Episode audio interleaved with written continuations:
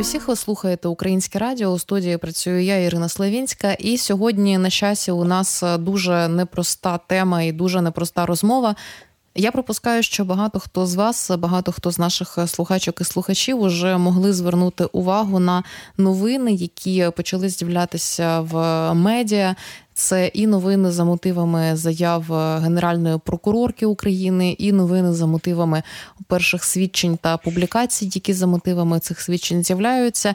І це новини про зґвалтування які чинять російські окупанти щодо українських жінок. Насамперед, такі новини ми бачили цими днями в медіа. Але загалом, звичайно ж, є ширший контекст, і треба розуміти, що воєнні умови, на жаль, е, супроводжуються дуже загрозливою, загроженою і чутливою позицією, зокрема жінок, які можуть потерпати крім. Низки воєнних лих, які на жаль можуть зазнавати різні люди, також і від е, зґвалтувань непроста розмова. Я одразу це розумію і за це перепрошую. Але з нами на зв'язку дуже компетентна експертка. Це адвокатка, голова правління і співзасновниця Асоціації жінок-юристок Юрфем Христина Кіт. І Христина, як фахівчиня, допоможе нам розібратися. Не лише з термінологією, але й з тими діями і самозахисту, і можливості знайти правосуддя, якщо сталася така сумна і трагічна історія. От будемо з цим розбиратися. І на початку, напевно, я Христину попрошу пояснити, чому загалом у воєнному контексті можлива і актуальною є розмова про зґвалтування в умовах війни.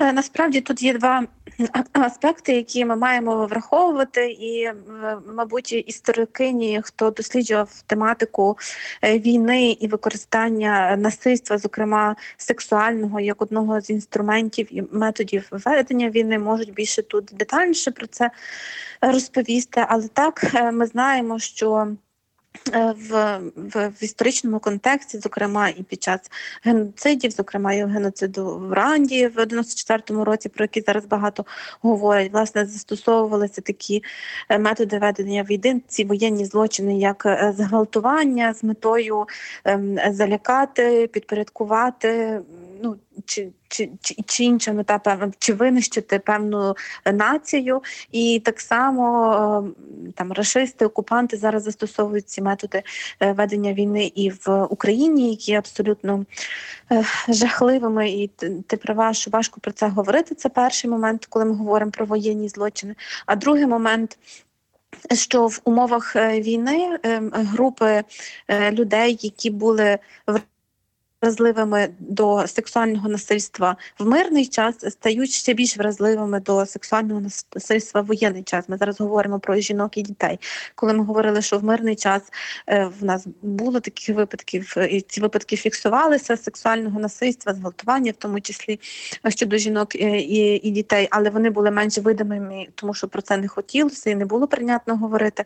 То в, в умовах війни ця ситуація більше загрозлива є, тому що жінки перебувають і діти ще в більш уразливому становищі. Вони залишають свою домівку, залишають своє безпечне місце, їдуть у невідомі їм міста. Е, абсолютно інколи ночують в притулках, в небезпечних місцях можуть е, ночувати, тому вони потрапляють в ситуацію загрози для себе, в тому числі е, є більше ризиків, що вони можуть постраждати від насильства. І в цьому контексті розмови про насильство напевно важливо нагадати, що е, насильство і зґвалтування можуть бути і є одним із воєнних злочинів. Це не та річ, так. яку міжнародне право толерує і визнає, ну скажу в лапках, нібито право окупантів, якісь такі речі чинити на територіях, на які вони прийшли. Давай трохи більше про це розкажемо. Можливо, не всі наші слухачі і слухачки знають про те, що справді під час війни зґвалтування є воєнним злочином.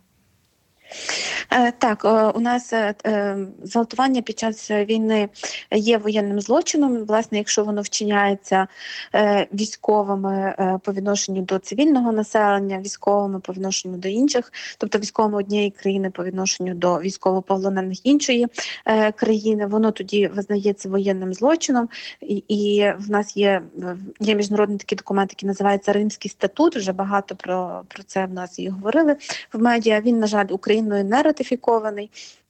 Е, хоча е, прийнятий про те, що не підписаний президентом відповідний закон про внесення змін до е, нашого кримінального кодексу, які власне враховують положення цього е, римського статуту. І римський статут говорить про те, що зокрема е, зґвалтування є воєнним злочином, є злочином проти людяності, є жорстоким поводженням відносно людини і абсолютно неприпустимим.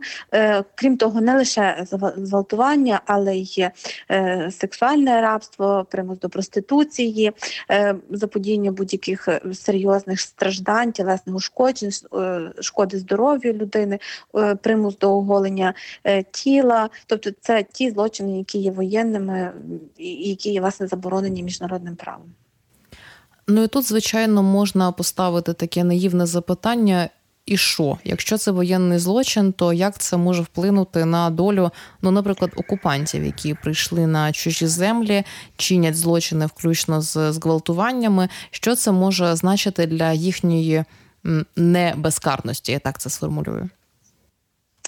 Е, воєнні злочини вони власне є е, розглядаються міжнародним кримінальним судом. Вони підпадають під е, юрисдикцію, дію, діяльність міжнародного кримінального суду. І ми знаємо, що зараз мені видається більше 40 вже країн звернулися до міжнародного кримінального суду, щоб цей суд власне розслідував ці злочини на території України. Ми не могли звернутися до цього суду, бо ми я вже казала, не ратифікували Римський статут, тому ми не мали Е, і не маємо такого права звернення до суду, але інші країни в наших інтересах це зробили. І ми знаємо, що зараз. Ем, е, прокурор і слідчі міжнародного кримінального суду співпрацюють з нашою прокуратурою і збирають докази вчинення цих злочинів. І е, очевидно, ем, як е, Путін, так і е, військовослужбовці, генерали, і кожен військовослужбовець, який вчиняє ці злочини, можуть бути визнані винними е, міжнародним кримінальним судом у вчиненні цих воєнних злочинів і нести відповідну кримінальну відповідальність за ці діяння, і в тому числі будуть зобов'язані відшкодувати шкоду завдану людям. Але це такий дуже довготривалий процес. Зрозуміло, що навіть в рамках е, України ці злочини, якщо ми говоримо про національний контекст, не дуже швидко розслідуються. Коли ми говоримо про міжнародний контекст, це може займати. Велику тривалість е, часу, але тим не менш для того, щоб е, власне е, все-таки доказати те, що росіяни, російські російські військовослужбовці, в тому числі і керівництво Російської Федерації, саме вчиняли злочини проти людяності на території України і проти українських громадян, вчиняли геноцид відносно наших громадян і громадянок, важливо ем, ці злочини фіксувати їх передавати. Немає значення, коли цих людей притягнуть до відповідальності, але з точки зору нашої державності, історії і відновлення справедливості, це має надзвичайно важливий ем, е, контекст. Я хочу нагадати, що ви слухаєте українське радіо, і з нами на зв'язку Христина Кіт, адвокатка і співзасновниця Асоціації жінок-юристок Юрфем. Ми говоримо про зґвалтування у воєнний час, і ми щойно проговорили таку дуже, на жаль, сумну, але дуже важливу для усвідомлення сюжетну лінію. Вона стосується того, що саме жінки, жінки і діти є найбільше загроженими, якщо йдеться про ризик подібних злочинів щодо них. І, звичайно ж, ми будемо говорити в наступні хвилини нашої розмови про те, що можна зробити і як можна діяти, аби захистити себе або віднайти справедливість, якщо сталася така сумна е, і трагічна насправді історія. І тут е, ну, важко не згадувати, звичайно ж, е, дуже резонансну публікацію на. На сайті видання Time, яке опублікувало історію жінки, котра зі своєю родиною мешкала неподалік від Києва у броварах, і власне вона, на жаль, зазнала насильства з боку російських солдатів, котрі спершу вбили її чоловіка, і потім. Практично були готові примусити її сина дивитися на те, як солдати гвалтують жінку і дивом не вбили її і її сина. Ну без сліз, звичайно, цю історію читати дуже складно. І я пригадую, що ця публікація на сайті Тайм викликала обговорення і в українських соцмережах, і з'явилася така сюжетна лінія міркувань про те, що от можна було би зі зброєю в руках себе захистити і не датися в руки цим російським солдатам. Я пропускаю, можливо, щось таке може і частина нашої аудиторії думати, і тому поставлю ось це запитання. А невже в воєнний час е, жінкам і дітям складно себе захистити зі зброєю в руках, щоб не датися в руки російським окупантам?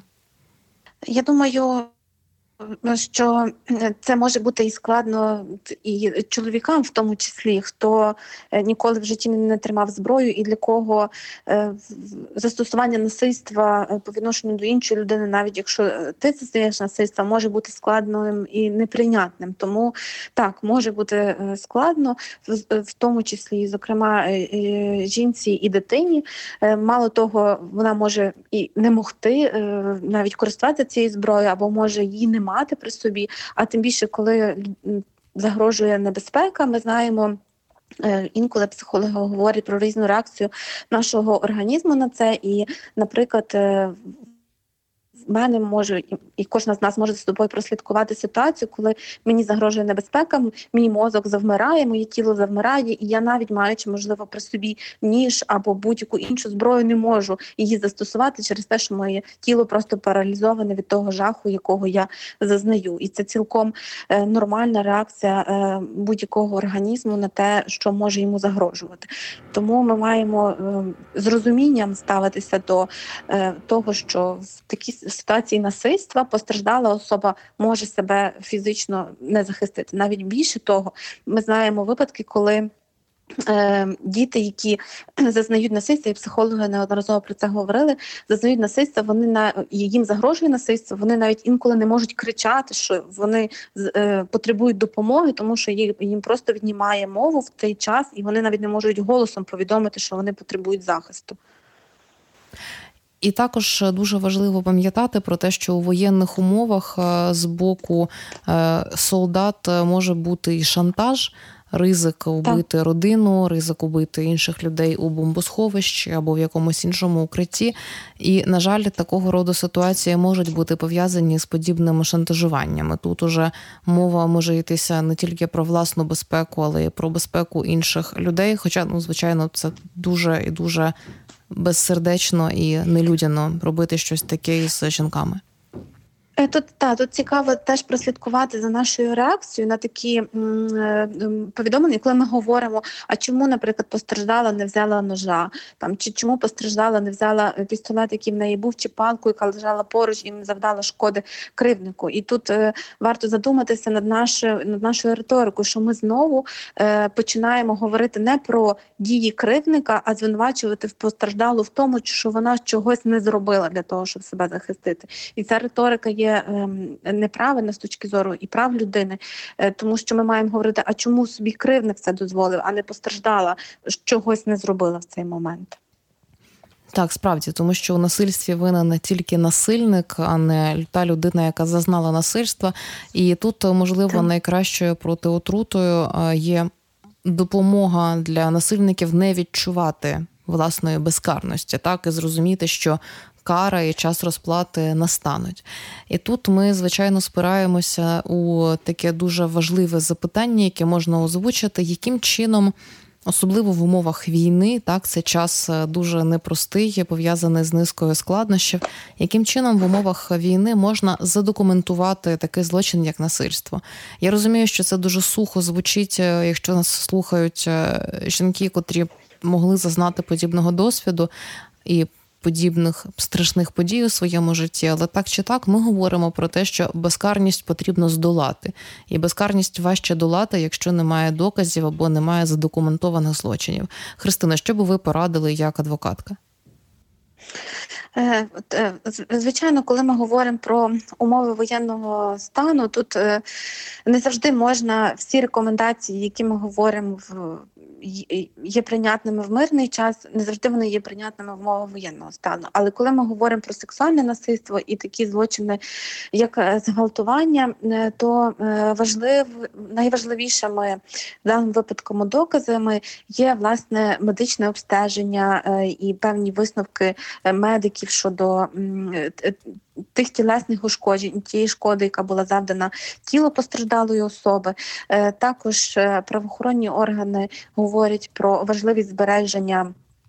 Е, одягу, в якій ви були в той е, той момент. Інколи я розумію і читала багато в соціальних мережах е, рекомендацій з боку психологів, що якщо ви зазнали зґвалтування, то там переодягніться, викиньте одяг, помийтеся. Але варто розуміти, що якщо ми це робимо, то ми знищуємо ті докази, які можуть допомогти правоохоронним органам знайти цього кривдника, цього злочинця за допомогою певних зразків ДНК і інших ознак, які є важливими, коли йде мова про зґвалтування. Тому зберігайте зберігайте одяг при можливості, одразу зверніться за медичною допомогою. Це може бути будь-який лікар, і відповідно до нашого е, закону, якщо ви звертаєтеся до лікаря і говорите, що ви зазнали зґвалтування. Е, то е, лікарі зобов'язані задокументувати е, ці за вашими словами ці обставини, ці факти, записати відповідні медичні свої висновки і одразу повідомити поліцію. Відповідно, вже тоді підключаються правоохоронні органи, які вже здійснюють інші дії, необхідні для того, щоб доказати вину кривника і захистити ваші права. Також важливо є зберігати будь-які, якщо у вас є фото, відео, відео е, свідчення. Також, якщо ви в той момент, коли ви опинилися в безпечному місці, ви пам'ятаєте, що з вами було, пам'ятаєте день, пам'ятаєте годину, пам'ятаєте людей, які були поруч з вами. Запишіть собі це на листочку для того, щоб воно у вас е, збереглося, тому що ми знаємо, що інколи в стресових ситуаціях е, пам'ять працює таким чином, що вона просто стирає все, що було, для того, щоб зберегти себе, ну зберегти психологічний стан людини. Тому важливо записати. Що з вами відбувалося, принаймні ем, такі елементарні речі, як дату, час, день і місце, де це відбулося, і людей, які могли би бути свідками. І тут е, теж можливо варто закликати людей, які стають свідками е, вчинення сексуального насильства, зґвалтування, також е, не бути байдужими і повідомляти про ті випадки, які ви бачили поліцію, тому що. Ем, вам може здатися, що це не має значення, і людина, яка зазнала зґвалтувань, може зараз вже знаходиться в іншому місці, і їй вже надали допомоги, і ваші слова, і і ті свідчення, які ви зараз говорите, не ніякого значення, але це не так. Тому що, наприклад, якщо ви стали е, очевидцями і свідками зґвалтування, ви е, телефонуєте поліції, говорите день, годину і час, і ваші ці свідчення можуть допомогти потім постраждалій, яка все ж таки наважиться заявити про те, що вона постраждала від зґвалтування, е, і поліція буде мати від вас свідчення, і від неї це допоможе також. Покарати кривників. Ну і звичайно, не варто відкидати таких е, е, фахівців, як е, психологи, психотерапевти, адже вони теж мають право формувати відповідні висновки, заключення щодо психологічного стану людини і робити свої висновки щодо того, чи це ну, щодо емоційного стану людини. І ці висновки теж враховуються слідством, коли йде мова про власне доказування вчинення злочину.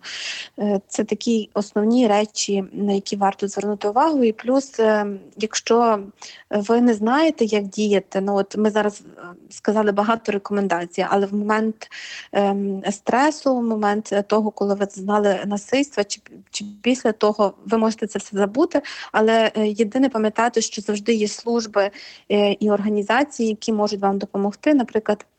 Наша асоціація, ми е, зараз е, започатковуємо роботу по консультуванню постраждалих від сексуального е, насильства. У нас формується група адвокатів, юристів, які будуть готові надавати не лише правову консультацію по телефоні, але якщо буде потрібно, і юридичний супровід, і підтримку, чи це в при е, дачі пояснень в правоохоронних органах, чи це в подальшому е, представництві інтересів в судах. Тому, будь ласка, телефонуйте, пишіть нам в месенджер. Також на сайті незабаром за тиждень буде е, можливість залишити заявку письмову. Тобто, якщо ви не можете задзвонити або не можете написати в месенджері, ви можете зайти на сайт і свою історію викласти і розповісти про порушення своїх прав. І ми обов'язково з вами зв'яжемося і подумаємо, як ми разом можемо захистити ваші права. Я думаю, що дуже важливо нагадати ще раз е, номер, за яким можна звертатися, номер гарячої лінії, навіть якщо її наразі немає, знаю, що можна просто звернутися до юрфем і далі отримати якесь перенаправлення. Е, так, у нас є наш номер телефону офісний це 067 61 72 002. Також е, за цим номером ви можете в Viber нам писати і в Telegram, і плюс на Фейсбук-сторінці Асоціація жінок-юристок України ЮРФЕМ е, вводите і також можете нам писати в месенджер будь-яке питання. Ну і ще, звичайно, я не можу не поставити це запитання, яке продовжує тему протидії безкарності. Яким чином можна задокументувати злочин, задокументувати насильство, якщо поліції поруч немає? Все ж таки в умовах війни бувають ситуації, коли місто оточене, наприклад, російськими військовими, коли Місцева влада, можливо, якось не ідеально себе поводить. Що робити в такій ситуації? Е, є декілька варіантів. Е, ми е, ми знаємо, що зараз не лише правоохоронні органи, а й громадські організації документують воєнні злочини. І одним із способів із методів документування це є свідчення очевидців або постраждалої особи. Це може бути як письмові свідчення, коли ви пишете проте тут важливо чітко вказувати день, час, годину, місце, адресу, де відбулося порушення вашої ваших прав, е, і також е, викласти самі факти е, порушення, яких ви зазнали. Це може бути також. Ем, Відео-аудіо документування, коли ви ви просто знімаєте на камеру свої свідчення, теж вказуючи, вказувати чітко дату, час, день, годину, місце, де це відбулося, і що саме відбулося, і свої контактні дані. І, і ці дані можна надсилати як в прокуратуру, так і в. Євромайдан Сон зараз проводить такі документування. Також можна і нам надсилати як асоціації жінок юристок України ЄРФМ. Ми співпрацюємо з Євромайдан СОС і ці ці, ці всі дані інформацію їм е, передаємо. Тобто, це не обов'язково, що правоохоронні органи на місці там умовно складали протокол чи записували складали будь-який документ. Це ви можете, якщо ви є безпосередньо постраждалою, або ви є безпосередньо свідком е, очевидцем цих подій. Е, ви можете такі факти задокументувати. Так, і якщо такі факти можна задокументувати, то можливо є порада про те, також як зафіксувати імена свідків, припустімо. І найстрашніше і найважче запитання, які існують способи зафіксувати образи, портрети, імена гвалтівників. Е, щодо імен е, свідків, е, тут можливі теж два варіанти. Ви або записуєте на, на відео камеру на телефоні, ці свідки зазначають своє прізвище, ім'я по, по батькові, контактний номер телефону, там адресу, або ви записуєте десь, де ви можете, де ця інформація збережеться, їхні контактні дані, адресу, номер телефону. І потім, коли вже є безпечне місце, вже з ними чи представники громадського громадськості чи е, представники поліції виходять на зв'язок за тими контактами і відповідно формують документ е, з їхніми свідченнями. Це можливо, або просто вони свої свідчення теж дають на аудіо, відео ем, там камеру, е, будь-який пристрій. Ви це записуєте. Тут важливо просто їхні достовірні дані для того, щоб з ними можна було потім зв'язатися і цю всю інформацію перевірити. Щодо гвалтівника.